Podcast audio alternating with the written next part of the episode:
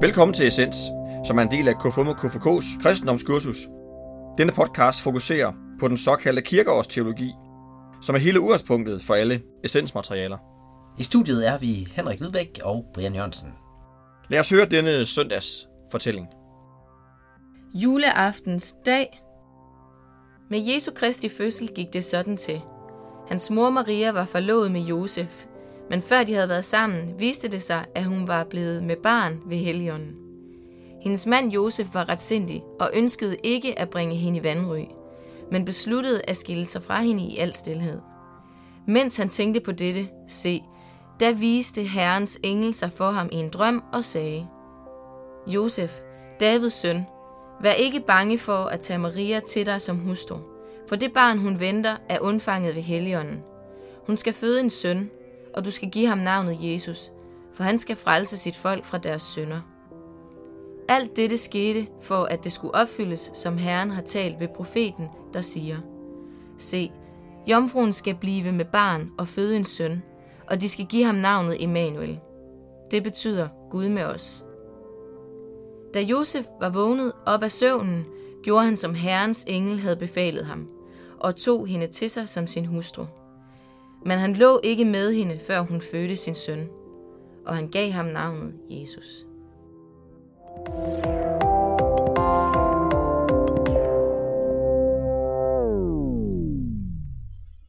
Så er vi nået til juleaftens dag.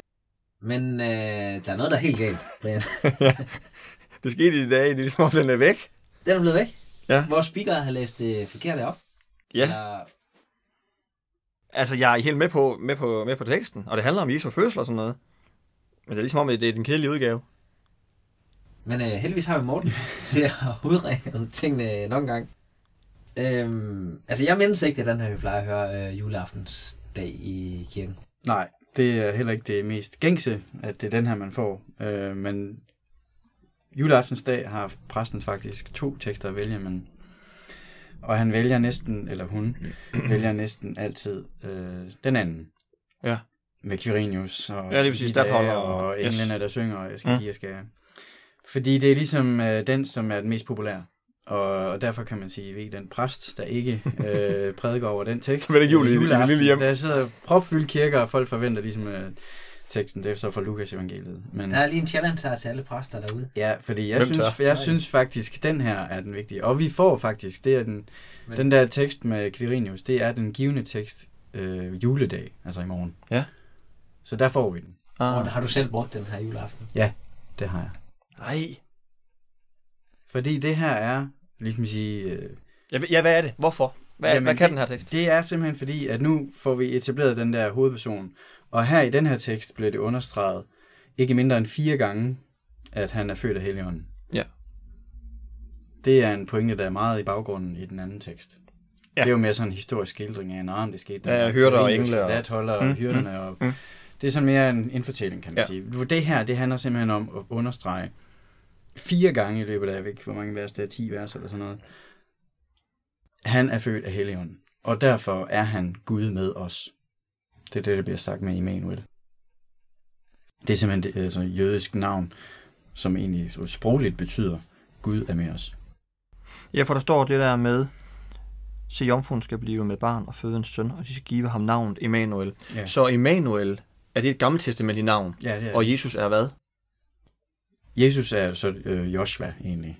Okay. Så i den, det er lidt teknisk, men Gamle Testament blev oversat til græsk, og Ja. Joshua blev til Jesus Ah, okay. øh, i den græske udgave, og det blev så det, vi bruger i Europa, og egentlig nu universelt navnet Ja. for, for Jesus. Men det fødte navn, som Jesus havde, var Joshua.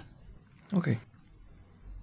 Og så er det, altså så kan man jo så undre sig over, at han får, altså, hvorfor hedder han så ikke Immanuel, når, når det er jo sådan set det, de siger, han skal, han skal hedde. Men øhm, Joshua betyder Jesus frelser, som vi også hørte. Eller Gud frelser, undskyld. Og her ligger det jo implicit, altså det er jo, det er jo en opfyldelse af et profeti igen. Det er et citat om Immanuel. Ja, for det er vel også derfor, det... Nå, ja, det er om Emmanuel, men også det der med... Det er understreget meget af den jomfrufødsel. Ja, Og præcis. det er jo... Og, og det er for netop at understrege, at det er Gud, det der. At Gud er blevet født som menneske. Ja. Det er ikke bare et almindeligt menneske. Det er Gud, der er blevet født som menneske. Og der, øh, altså der har vi det teologiske ord inkarnation. Ja, som, som betyder... betyder at, at blive kød. Ah. At, altså, at få kød på. ja, ja, ja. ja. øh, og, og, og derfor er det Gud med os helt fysisk. Ikke bare en åndelig øh, hvad kan man sige, opbakning, moralsk opbakning fra Gud, men han er simpelthen fysisk til stede øh, i blandt os som et menneske. Så inkarnation, det er sådan hele ankerpunktet i meget øh, øh, kristen teologi. At Gud lod sig inkarnere. Nu har vi haft øh, fire gange med advent, altså det er den der fokus på hovedpersonen. Ja. Nu har vi ham. Og nu kan man sige, øh, understreget fire gange, da da, nu er han her. Ja. Øh, han er født af Helligånden, han er Gud i blandt os. Tak for den udredning, Morten, og glædelig jul. Glædelig jul.